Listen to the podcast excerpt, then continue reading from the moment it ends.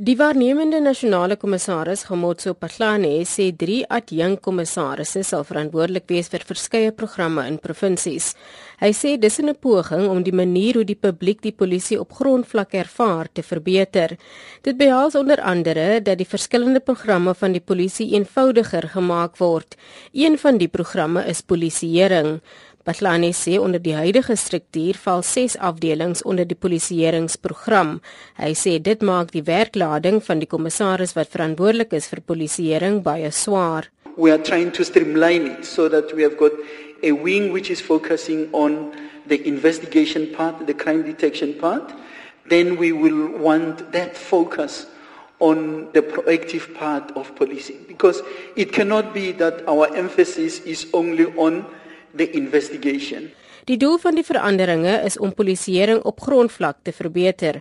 Patlani sê om dit te bereik gaan nasionale bestuurslede ingryp. If for example we are of the view that the, the station or the province is not coming to the party, we must go and correct things and also uh, develop capacity there to be able to sustain that intervention so that we do not continue to have same problems at the same place to make a difference at service delivery levels.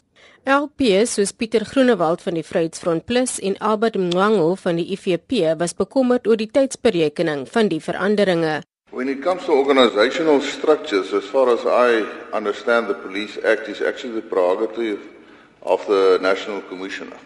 That's why every time we have a, a, a national commissioner there's a organizational reshuffle when it comes to the structures. Now, first, my question is we're receiving a new organizational structure here. Do we then accept that the present national commissioner is gone?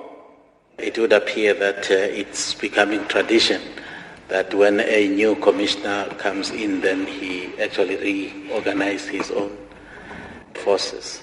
And my concern is that the acting commissioner is already also busy organizing his own you know team before he's actually confirmed in the position. Are we not jumping the gun? Maar die minister van polisie Nathi Ntleko sê die SAPD kan nie tot stilstand kom omdat die nasionale kommissaris geskort is nie. You see the danger that we face as government today is the question of the personality cult where an institution becomes a person the individual Now, and that's extremely dangerous because there's no institution of governance anywhere in the world, in heaven included, that relies on just one individual.